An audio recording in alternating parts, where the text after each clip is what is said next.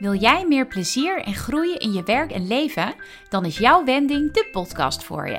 Ik ben Wendy van Wijngaarden, ondernemer op ontdekkingsreis, rasoptimist en gek op persoonlijke ontwikkeling.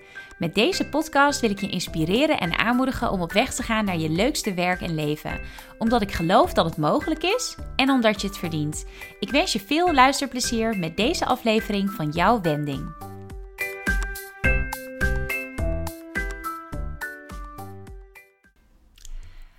Goedemorgen, of middag, of avond, of nacht. Ik weet eigenlijk helemaal niet wanneer je dit luistert. Wanneer luister je dit eigenlijk? Wat is het moment van de dag waarop jij mijn podcast luistert? Ben ik eigenlijk wel benieuwd naar.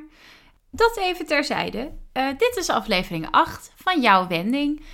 Leuk dat je er weer bij bent. Of misschien is het de eerste keer. Dan vind ik het ook leuk. En ja, ik vind het eigenlijk hoe dan ook leuk als je luistert. Dank je wel alvast daarvoor.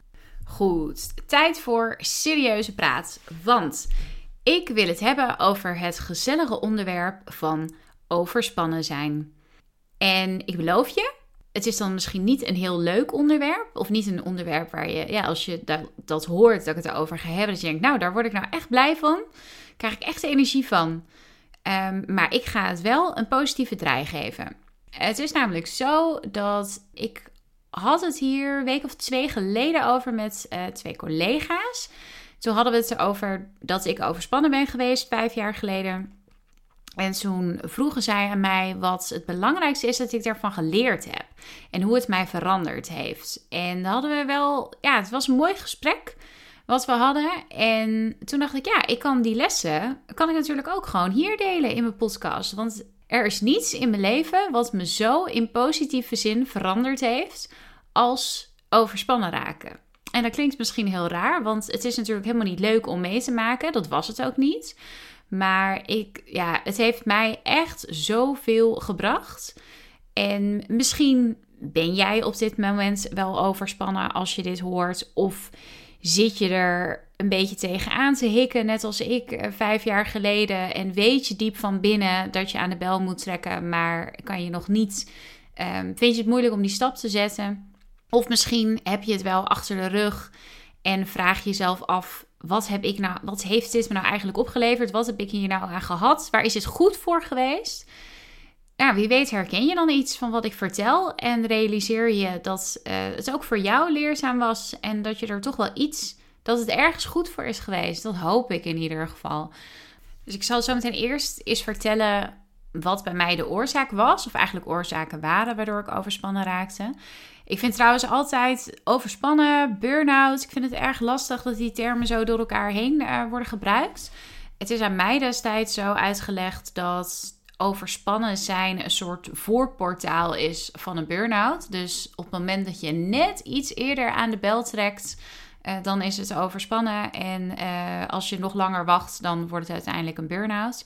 Ik heb daar ook wel andere uitleg over gehoord. Dat overspannen dat het meer emotioneel is. En burn-out meer werk. Of tenminste, overspannen meer privé en burn-out meer werk. Het, het wisselt nogal. Dus ik noem het overspannen. Noem jij het vooral uh, wat voor jou goed voelt. Nou, en bij mij is het dus ja, december 2014 volgens mij. Dat ik me ziek meldde. Eh, de avond voor Sinterklaas. Daar zat een eh, behoorlijke aanloop, uh, zat er al naartoe. Het begon namelijk in 2014, toen ik destijds mijn relatie verbrak. En dat was heel heftig, want we waren ruim vijf jaar bij elkaar. We woonden al een hele tijd samen. We hadden een koophuis met elkaar. Mocht je dat verhaal niet kennen, luister dan vooral aflevering 2. die aflevering heet Ik stel mezelf aan je voor. Want daarin vertel ik daar wat meer over. Maar ja, een break-up is hoe dan ook altijd heftig. Uh, wiens keuze dat ook is. En dat was het voor mij ook. En ik heb dat best wel lang ja, weggedrukt. Omdat ik sowieso had van ja, het is mijn keuze. Dus ik mag hier geen verdriet van hebben. En ik mag ook niet nu om hulp vragen of om steun vragen van de mensen om me heen. Want ik heb hiervoor gekozen achteraf gezien werkt dat natuurlijk niet helemaal zo. Maar op dat moment uh, was dat wel hoe ik ermee omging. En uh, dat heeft me zeker niet geholpen in de hele verwerking van alles. Anyhow, dat was dus uh, één aspect wat heel erg veel impact op me heeft gehad En zeker een en ander getriggerd heeft richting het overspannen raken. En de andere kant daarvan was werkgerelateerd. Dus het was bij mij echt een combi van werk en privé. En het werkgerelateerde stuk zat hem er met name in dat ik een functie had op dat moment bij een superleuk bedrijf. Trouwens, daarin vertel ik ook over, uh, daarover vertel ik ook in aflevering 2. Want dat is ook een van de dingen die mij dus heel erg uh, beïnvloed heeft in mijn leven. Namelijk, ik zat in een functie bij een heel erg leuk bedrijf, waar ik nu nog steeds als interim recruiter aan het werk ben. Maar op dat moment zat ik in een meer ondersteunende functie. En dat paste gewoon helemaal niet bij me. En dat is wat, ik had het al jaren gedaan, dus ik was het zo gewend en ik dacht, dit is gewoon wat ik hoor te doen. En het heeft heel lang geduurd voordat ik me realiseerde dat ik helemaal geen energie uit dat werk haalde.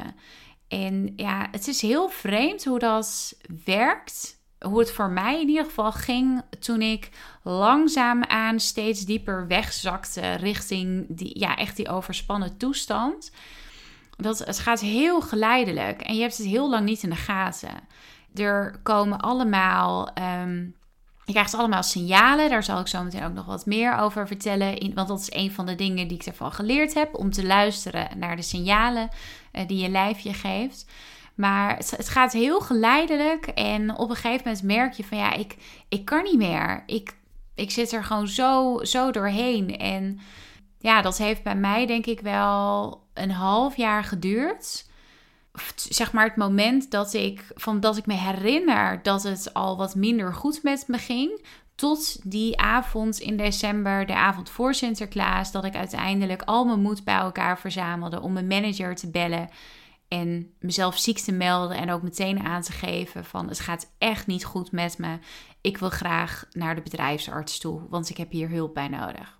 Dus dat is zeg maar de achtergrond uh, ervan. En ik heb eigenlijk, ja, ik heb vijf lessen opgeschreven die ik daarvan geleerd heb van die hele periode die daarop volgde. En ik heb ze opgeschreven in de volgorde waarin ik ze ook vooral ervaren heb. Ja, sommige heb ik echt op dat moment al, had ik al in de gaten van, hey, dit is, dit is wel goed dat ik dit nu, dat ik dit nu leer. Maar het meeste is eigenlijk pas achteraf gekomen. En ik weet nog wel dat ik toen ik er, ja, toen ik er middenin zat, ook op het moment dat ik me net had ziek gemeld, ik heb altijd tegen mezelf gezegd: dit gaat ergens goed voor zijn. Hoe klote dit ook is, ik was echt, ik was zo verdrietig en ik voelde me machteloos en ik had pijn en het was echt een hele, hele rottige tijd. Maar ik heb al die tijd geweten, ik ga hier sterker uitkomen. Ik ga hiervan leren en ik heb nog geen idee wat ik ervan ga leren. Ik, op dat moment, ik, ik kon het echt niet overzien allemaal. Maar ik wist, dit gaat me helpen in de rest van mijn leven. Dat ik dit nu doorsta, gaat me de rest van mijn leven, ga ik daar baat bij hebben. Nou, de eerste les die ik daarvan geleerd heb, was uh, echt het luisteren naar je lijf, naar de signalen die je lijf afgeeft. Voor mij begon het heel subtiel met af en toe hoofdpijn. En dat werd steeds vaker en het duurde steeds langer. En op een gegeven moment kwam daar ook wat slechter slapen bij. En dat werd ook steeds erger. Uh, toen kwam er wat moeite met concentreren kwam erbij. En ik werd een beetje prikkelbaar naar mensen om me heen. Ik werd steeds emotioneler. Mijn geheugen liet me in de steek. Ik begon dingen te vergeten. En het eindigde uiteindelijk, eh, tegen de tijd dat ik me ziek meldde, was ik al zo ver heen dat ik amper nog sliep. Ik werd echt de hele nacht door, werd ik wakker, schrok ik wakker, omdat ik dacht, oh, ik ben weer iets vergeten. Dan moest, dan moest ik ook echt van mezelf mijn bed uit om te checken of ik het wel echt was vergeten of dat ik het niet was vergeten. Ik maakte fouten in mijn werk. Ik viel uit tegen collega's. Ik huilde bijna elke dag op de wc omdat ik, ja, ik wilde het ook niet laten zien aan mijn collega's. Maar ik moest gewoon om alles huilen. Dus had niet eens echt een reden. Maar ik, om alles werd ik verdrietig. En barstte ik uh, in tranen uit. Uh, nou, hoofdpijn was uiteindelijk echt 24-7. Ik werd ermee wakker en ik ging ermee naar bed. Echt niet, dat is gewoon niet voor te stellen, tenzij je dat zelf ook hebt gehad, hoe vermoeiend dat is. Nou ja, zo, zo erg was het uiteindelijk dus. En die, die, ja, die symptomen, die signalen, die verschillen natuurlijk per persoon. Maar dit was wat ik heb, uh, heb ervaren. En ik merkte ook dat ik het gewoon niet meer kon overzien allemaal. Ik kon geen prioriteiten meer bepalen. Ik had helemaal geen functie waarin ik hele zware verantwoordelijkheden had. Dus ik kon prima elke dag om half zes mijn laptop afsluiten en naar huis gaan. Alleen op dat moment lukte het me gewoon niet meer. Het was, ik kon het niet overzien. Ik had het gevoel dat alles wat er nog op mijn takenlijstje stond, dat het ook echt die dag af moest. Dat alles heel erg belangrijk was. Ik kon geen onderscheid meer maken tussen wat kon wachten en wat niet kon wachten. Ja, gewoon geen prioriteiten meer kunnen bepalen. Heel apart als dat gebeurt. Nou ja, dat alles bij elkaar uh, zorgde ervoor dat ik niet uh, de allerleukste persoon was in die tijd. Ja, ik ben ook heel erg blij dat ik uiteindelijk. Ik, ik voelde al heel lang aan van het gaat niet goed. Ik moet in de bel trekken. Ik heb hulp nodig. Ik moet dit nu gaan doorbreken. Maar ja, het heeft dus wel een tijdje geduurd voordat ik uiteindelijk de moed echt had verzameld om dat te doen. En het grappige daarvan is, je hebt maar één seconde nodig. Er is maar, je hebt één seconde nodig waarin je op het belknopje drukt op je mobiele telefoon. In mijn geval om die manager te bellen en jezelf ziek te melden. En dan wordt alles in gang gezet. En nou, het heeft dus een tijd geduurd voordat ik dat durfde te doen. Ook waarschijnlijk omdat ik niet echt kon overzien wat ik daarmee dan in gang zou zetten en welke gevolgen het zou hebben. Maar ja, ik wist dat het echt niet anders meer kon. Ik wist dat ik, dat ik hier niet zelf uit zou komen zonder hulp. Nou ja, ik ben dus ook heel erg blij dat ik die hulp uiteindelijk gevraagd heb en gekregen heb. Dus ja, die signalen van je lijf, dat is iets waar ik nog steeds heel scherp op ben. Als ik merk dat mijn schouders vast gaan zitten. Of als ik wat meer hoofdpijn heb. Want ik heb eigenlijk nooit hoofdpijn. Dus voor mij is dat meteen een trigger om even goed op te letten van hé, hey, wat gebeurt er? Ben ik misschien te druk? Maak ik me druk om dingen? En zo geldt het wel voor meer um, kleine speldenprikjes die je lichaam je kan geven om ja, je even weer te laten opletten en ja, dat je weer even incheckt bij jezelf van gaat het allemaal goed met me? Dat is, ik ben heel erg blij dat ik dat ervan geleerd heb en dat ik dus ook geleerd heb om daar wat sneller aan toe te geven. En dat is ook bijvoorbeeld met griep. Het gekke is, ik ben sinds ik overspannen ben geweest, ben ik amper nog ziek geweest daarna. Terwijl ik daarvoor minimaal één keer per jaar op bed lag met een flinke griep. Ik denk dat ik de afgelopen twee jaar überhaupt uh, eigenlijk niet meer ziek ben geweest. Op een hele vervelende oogontsteking uh, na. Maar dat was na drie dagen ook alweer uh, beter. Ik heb er wel van geleerd dat als je ziek bent, uh, ja, je lijf geeft dat niet voor niks aan, dat je je zo beroerd voelt. Dus neem ook dan de tijd om uit te zieken. Ik was zo iemand die dan altijd weer te snel naar kantoor ging en half koortsig en snotterend uh, weer achter mijn, uh, achter mijn scherm zat. Dat iedereen zei van, joh, is dit wel handig? Je steekt andere mensen aan. Nou, zo iemand was ik. Zo'n collega die dan vervolgens het halve kantoor aansteekt. En zo iemand wil ik gewoon niet meer zijn, want je hebt er zelf niks aan en je helpt je collega's er ook niet mee. Uh, dus ik kijk dan nog liever of ik thuis al een beetje weer iets kan doen. Maar in principe is mijn regel nu gewoon wat mijn moeder me vroeger al leerde uh, als ik ziek thuis was van school.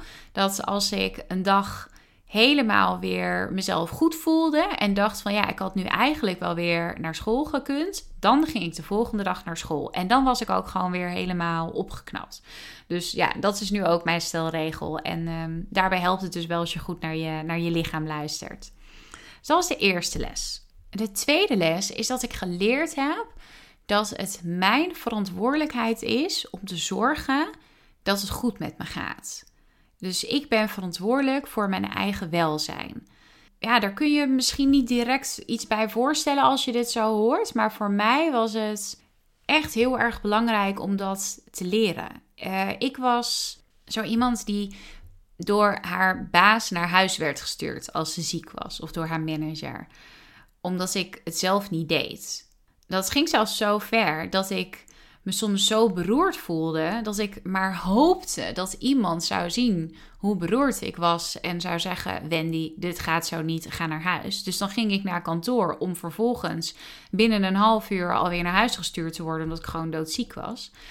Ja, dat is natuurlijk niet handig als je die verantwoordelijkheid in de handen van iemand anders legt. Want iedereen is druk met zijn eigen leven, zijn eigen werk en mensen hebben niet altijd oog voor hoe het met jou gaat. En je kan het ook niet verwachten van mensen dat ze daar de hele tijd op letten en dat ze het precies goed inschatten wat jij wel of niet kunt hebben. En voor mij was het in die laatste weken voordat ik mezelf ziek meldde, weet ik nog wel dat ik echt dat ik er, dat ik er best wel boos over was. Dat ik dacht, waarom neemt niemand het nu voor mij op? Waarom ziet niemand hoe slecht het met mij gaat? Waarom is er niemand die nu voor mij aan de bel trekt? En achteraf is het heel erg goed dat dat niet gebeurde. Want daardoor werd ik gedwongen om het zelf te doen. En dat is uiteindelijk het enige wat natuurlijk echt werkt. Als je dat zelf kunt. Ik heb zo echt geleerd om zelf de verantwoordelijkheid te nemen voor mijn eigen welzijn. En om die nooit bij een ander neer te leggen. En andersom accepteer ik ook niet dat iemand het bij mij neerlegt. Zo ben ik dan, ja, weet je, ik ben daar ook al wat harder in geworden.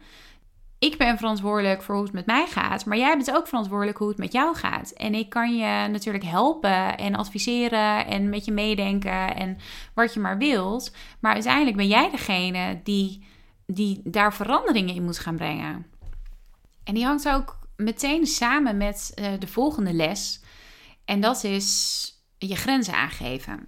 Want die verantwoordelijkheid nemen voor je eigen welzijn betekent ook dat je grenzen aan moet geven. En voor mij was dat deels in, het, in, zeg maar in mijn hersteltraject. Dus het opbouwen van mijn uren, contact met de bedrijfsarts. Daar heb ik ook al momenten in gehad waarin ik echt op mijn strepen moest staan. Uh, dit was een bepaalde urenopbouw, had ik samen met de bedrijfsarts bedacht. En ik merkte op een gegeven moment van ja, dit gaat te snel. Ik ging weer slechter slapen. Ik werd weer heel erg emotioneel. En uh, ging weer heel erg piekeren daarover. En toen heb ik dat aangekaart bij de bedrijfsarts. En die zei meteen van ja, maar dat is niet de bedoeling. Dus uh, dan houden we je opbouw gewoon nu even voor een week hetzelfde. En dan gaan we daarna gaan we weer verder opbouwen. Dus die was daar heel heel begripvol in. Mijn manager die ik destijds had, die was er wat minder begripvol in. Dus ik moest ook echt wel richting hem, moest ik echt op mijn strepen staan en zeggen van nee, dit is hoe ik, wat voor mij goed voelt, dit is wat ik op dit moment moet doen. En dan helpt het natuurlijk wel als je weet dat de bedrijfsarts je daar ook in steunt. Maar alsnog was het best wel lastig om dat aan te geven en om daartegen in te gaan. En dat is niet iets wat ik daarvoor makkelijk deed vooral doordat ik merkte dat op het moment dat ik er wel tegen inging, dat hij ook zei: Ja, oké, is goed. Ja, je hebt ook eigenlijk gelijk. Toen merkte ik van: Oh, wacht. Dus je kan prima aangeven dat je het ergens niet mee eens bent. Dat betekent niet dat er dan een enorme discussie komt. Of dat diegene dan boos op je is. Of dat het niet wordt geaccepteerd. Het kan dus ook heel goed dat iemand zegt: Oké, is goed, dan doen we het zo. Uh, dus dat was best wel een openbaring eigenlijk. Dat je dus ja, je mening kunt geven, je grenzen kunt aangeven. En dat dat niet per se door mensen als negatief wordt opgevat. Het is alleen maar duidelijk. Je bent duidelijk doordat je je grenzen aangeeft. En nou, dat is iets waar ik uh, sinds ik dat gedaan heb, merk ik ook dat dat me nu nog steeds, dat het me echt makkelijker afgaat, veel natuurlijker afgaat. Dus ik, ik doe het nu eigenlijk al zonder erover na te denken. Ja, het is niet altijd leuk. Ik, zeker in de tijd dat ik, toen ik nog overspannen was, toen ben ik ook egoïstisch genoemd. Uh, en ja, waren niet al mijn vriendinnen even blij met me dat vond ik heel erg moeilijk. Maar ook dat is iets waarvan ik wel heb besloten. Ja, dat, dat hoort er dan blijkbaar ook bij. Dat is dan iets waar ik nu ook doorheen moet. Om te leren dat ik mijn grenzen moet aangeven. En die verantwoordelijkheid moet nemen voor mijn eigen welzijn. Maar ik geloof wel dat het super waardevol is om dat te doen in je leven. Ja, het klinkt zo afgezaagd, maar you can't pour from an empty cup. Dus als jij zelf leeg bent, omdat je niet genoeg energie hebt of omdat je niet gelukkig bent met, met wat je doet, dan is het ook heel moeilijk om te geven aan anderen. Ja, voor mij is het echt dat ik doordat ik dat geleerd heb, ja, ik denk dat de meeste mensen om me heen gemerkt hebben dat ik juist nu meer kan geven dan dat ik toen deed. Dan dat ik voor die tijd deed. En zeker in die tijd, want toen was het echt ikke, ikke, ikke. En daar dat was waarschijnlijk niet het leukste voor het mensen om me heen. Maar dat was wel wat ik op dat moment nodig had. En wat op dat moment ook kon. Want ik woonde alleen. Ik had niemand waarmee ik rekening hoefde te houden. Waarvoor ik verantwoordelijk was. Ik hoefde alleen maar voor mezelf te zorgen. Mijn eigen hoofd boven water te houden. En te zorgen dat ik beter werd. Uiteindelijk heeft dat ervoor gezorgd dat ik nu mezelf veel en veel beter voel dan dat ik ooit voor die tijd uh, mezelf heb gevoeld. En dat ik daardoor ook makkelijker kan geven aan anderen. Dat is in ieder geval hoe ik dat zie. En ja, waar ik nog steeds heel erg blij mee ben dat ik dat uh, in die periode geleerd heb. En wat ik dus ook nog steeds dagelijks, bewust of onbewust, uh, toepas in mijn leven. Grenzen aangeven. Dan de vierde les, dat is overgave. En die klinkt misschien een beetje zweverig als je het zo hoort. Ik zal proberen om eens uit te leggen wat het voor mij betekent. Ik weet nog, toen ik net mezelf net ziek had gemeld en ik had contact met de bedrijfsarts gehad, toen had ik hem op een gegeven moment aan de telefoon en toen vertelde ik wat ik allemaal. Hij vroeg dan van ja, wat doe je dan zo al op de dag? En toen vertelde ik, ja, ik heb mijn ramen gezeemd en ik heb mijn tuin opgeruimd en ik heb, nou weet ik veel wat ik allemaal had gedaan, maar ik was mezelf heel erg aan het bezighouden. Ik wilde de hele tijd nuttige dingen doen. En dat is deels ook wel doordat je, wat ik in ieder geval merkte, dat ik had gewoon constant een heel onrustig gevoel. Dus ik kon ook bijna niet gewoon even stilzitten. Ik was gewoon constant, ook letterlijk dat je hart gewoon sneller klopt. Uh, dat is ja, een van de signalen die mijn lichaam dus ook uh, gaf destijds. Maar ja, ook in je hoofd dat je, dat je geen rust kunt vinden, dat ik maar de hele tijd bezig was. En ook, ik voelde me schuldig omdat ik niet aan het werk was. Dus had ik zoiets van, ja, dan moet ik wel andere nuttige dingen gaan doen. Ik kan niet uh, gewoon op de bank gaan zitten. En toen zei de bedrijfsarts tegen me dat ik mezelf veel te veel oplegde. Dus ik moest veel te veel van mezelf. En ik kreeg toen ook van opdracht, als opdracht van hem om even helemaal niets te moeten. En dat was vet lastig, want je zit in zo'n race-modus met je hoofd en met je lijf dat niets doen, dat dat is bijna geen optie. Maar dat was wel eh, de opdracht die ik toen kreeg. En, eh, want ik was ook heel erg de eerste weken heel erg aan het zoeken naar: oké, wat kan ik doen om mezelf beter te voelen? Dus um, heel, ja, echt dwangmatig een beetje. Eh, allerlei research aan het doen, boeken aan het uitzoeken van: oh, misschien moet ik dit boek lezen of dat boek lezen. Alsof het lezen van een boek in één keer zorgt dat je weer hersteld bent van zo'n overspannenheid mediteren, maar dan ja, niet omdat ik het idee had dat het fijn was, maar echt van ja, mediteren gaat me helpen om beter te worden. Dus ik moet elke dag zo lang mediteren. Nou, dat is natuurlijk ook niet echt uh, de lekkerste mindset uh, om daarmee aan de slag te gaan. Nou ja, toen kwam dus de uitdaging om dat allemaal los te laten en ja, om mezelf eigenlijk over te geven aan de situatie waarin ik zat. En dat was super lastig. Ik herinner me ook niet zo goed hoe ik het gedaan heb. Ik denk dat het deels het vertrouwen was van dit gaat hoe dan ook voorbij. Vroeg of laat kom ik hier uit. Dus misschien moet ik ook maar gewoon even niet proberen actief om hier uit te komen. Maar moet ik het gewoon even laten en kijken wat er dan gebeurt. En ook ja, gewoon durf. Ik werd zo moe van mezelf, omdat ik zoveel moest de hele tijd. Dus tegelijkertijd was het ook wel fijn om dat even, even los te laten.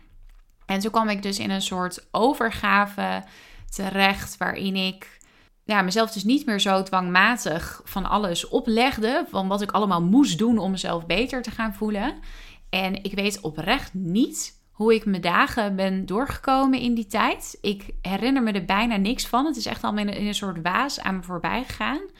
Maar ja, heel langzaamaan werd het wel beter. En zeker, ik ben twee maanden uiteindelijk thuis geweest. En daarna ben ik weer begonnen met het opbouwen van mijn uren. En uiteindelijk ben ik op de dag af exact zes maanden zaten er tussen de dag dat ik me ziek meldde en de dag dat ik mezelf weer volledig beter meldde. Dus ik ben totaal zes maanden eh, deels uit de, uit de running geweest. En ja, ook toen ik mijn uren weer begon op te bouwen, dat is hartstikke vermoeiend. Dat kon ik mezelf echt niet voorstellen. Van ja, twee uurtjes. Het begon echt met twee keer twee uur per week of zo. Uh, maar hoe uitputtend dat dan is.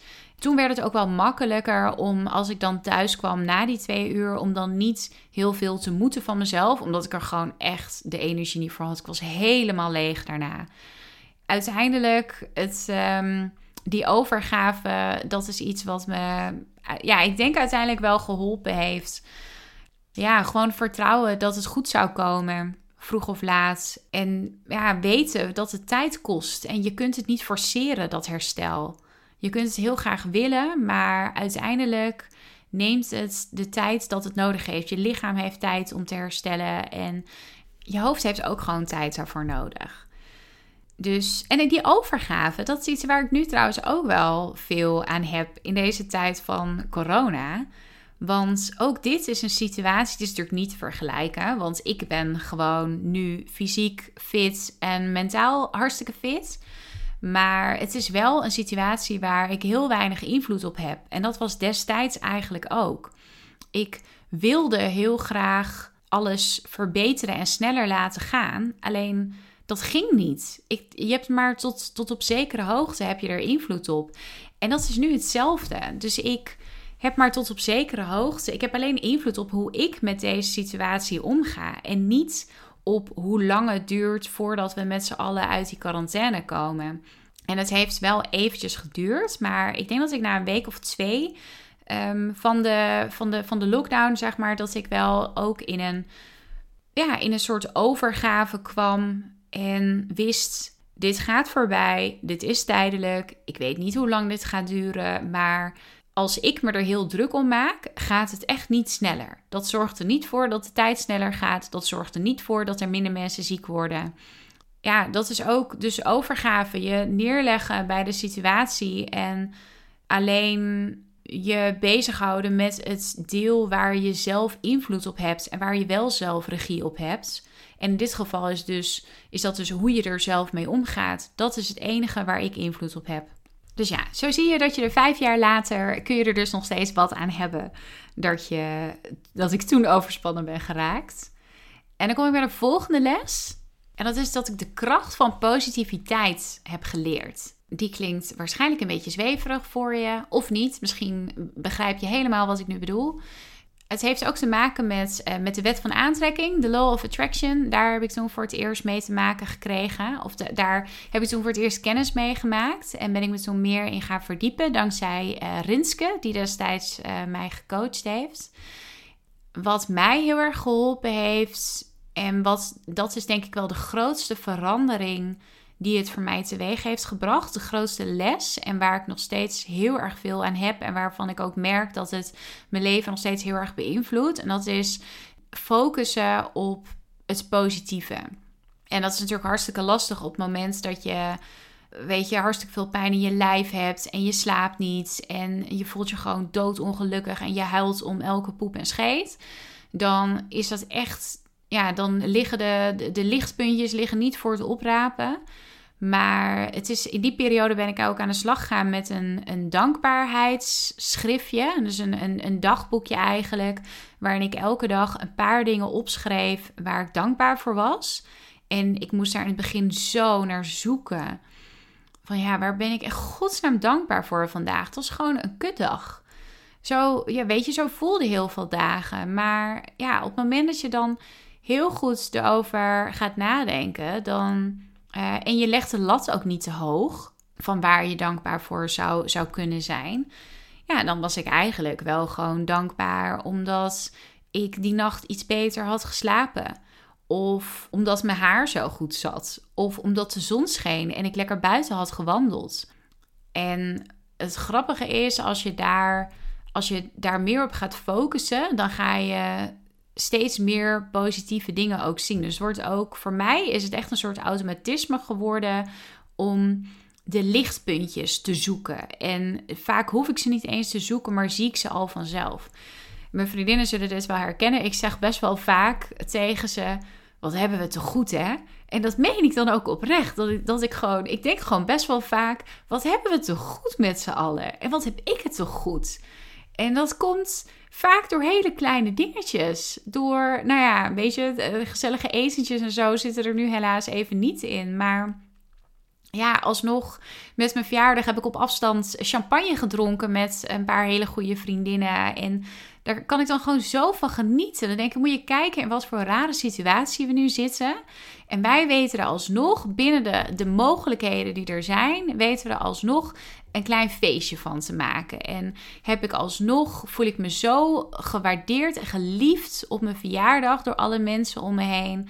Ja, dat, daar ben ik dan gewoon zo dankbaar voor. En die, dat, dat zoeken naar het positieve en daar ook op focussen, was iets wat in het begin echt wel energie kostte. Dus daar moest ik heel erg steeds weer aan denken. En eh, er ook aan denken van ja, niet steeds op alles wat slecht gaat focussen. En dat ging echt met vallen en opstaan. En dat heeft ook een hele tijd geduurd voordat ik het wat beter onder de knie had. Maar het, ja, het is wel als het eenmaal lukt, dan. Het is, het is natuurlijk deels dat je, doordat je zo je raakt gewend om te kijken, om te zoeken naar, naar de lichtpuntjes. En daardoor ga je ze meer zien, omdat je er meer voor open staat. Maar ik geloof dus oprecht dat op het moment dat je daarop focust, dat je ook meer daarvan aantrekt in je leven. En dat is ook wat ik heb ervaren de afgelopen vijf jaar. Dat ja, hoe mijn leven toen was en hoe het nu is. En hoe ik, zeg maar, als mens, hoe ik me nu voel. Hoeveel gelukkiger ik ben en hoeveel meer ik me mezelf voel ja, hoe blij ik ben met, met alles om me heen. En natuurlijk is, weet je, mijn leven is ook heus niet perfect. Maar alsnog ben ik echt heel, heel gelukkig met alles wat ik heb. En dat is dus iets wat ik echt ontwikkeld heb door te focussen op het positieve. Dus ja, dat is ook iets wat ik, uh, wat, waar ik mee begonnen ben in de tijd dat ik overspannen was. En het heeft echt wel veel oefening gekost, zoals ik al zei. Maar ik heb daar nog steeds nu heel erg veel baat bij. En ik weet zeker dat dat de rest van mijn leven, dat dat ook bij me zal blijven. En dan de laatste les, dat is eigenlijk een samenvatting van alles wat ik net verteld heb. En dat is dat ook hele stomme gebeurtenissen heel erg leerzaam kunnen zijn en tot hele positieve dingen kunnen leiden. En voor mij is het ook dat ik ik heb dat ook nodig. Dus als er iets negatiefs gebeurt, dan heb ik het ook nodig om het vertrouwen te hebben dat hier voor mij iets positiefs uit zal komen. Of voor de wereld. Zoals nu met corona. Ik heb het nodig om te geloven dat dit uiteindelijk ook iets moois zal brengen voor onze planeet en voor de samenleving. En misschien ook wel voor mij als persoon. Dus ik zoek altijd naar de les in gebeurtenissen. Ja, die gebeurtenis van het overspannen raken, nou, dat was een, dat was een hele opeenstapeling van lessen. Waarschijnlijk uh, ben ik de helft nog vergeten van wat ik ervan geleerd heb, omdat het zo, dat het dan zo subtiel is geweest dat ik me er niet eens van bewust ben geweest dat ik dat in die tijd geleerd heb. Maar ja, voor mij is het wel, is, is het echt het bewijs dat ook als je hele rottige dingen moet doormaken, dat je daar nog steeds iets uit kunt halen voor jezelf. En dat was de laatste les. Dat stomme gebeurtenissen ook heel leerzaam kunnen zijn. Ik ben benieuwd wat je hiervan vond, of er iets is wat je hiervan herkent. Misschien ben je wel nooit overspannen geweest en heb je geen burn-out gehad en zitten er ook lessen in die je op een andere manier geleerd hebt maar die jij ook toepast in je leven. Ben ik wel benieuwd naar. Wil je er iets over kwijt aan me? Vind ik het heel erg leuk om dat te horen. Je kunt me dan het beste een eh, DM sturen, een, een privébericht op Instagram. Wendy V. Wijngaarden ben ik. Of je zoekt gewoon op Wendy van Wijngaarden. Dan vind je me ook wel. En ja, mocht je na het horen van deze podcast eh, denken van... oh, er is iemand in mijn omgeving die hier ook iets aan zal hebben... Stuur hem door. Deel het met iedereen waarvan je denkt dat diegene er baat bij zou kunnen hebben.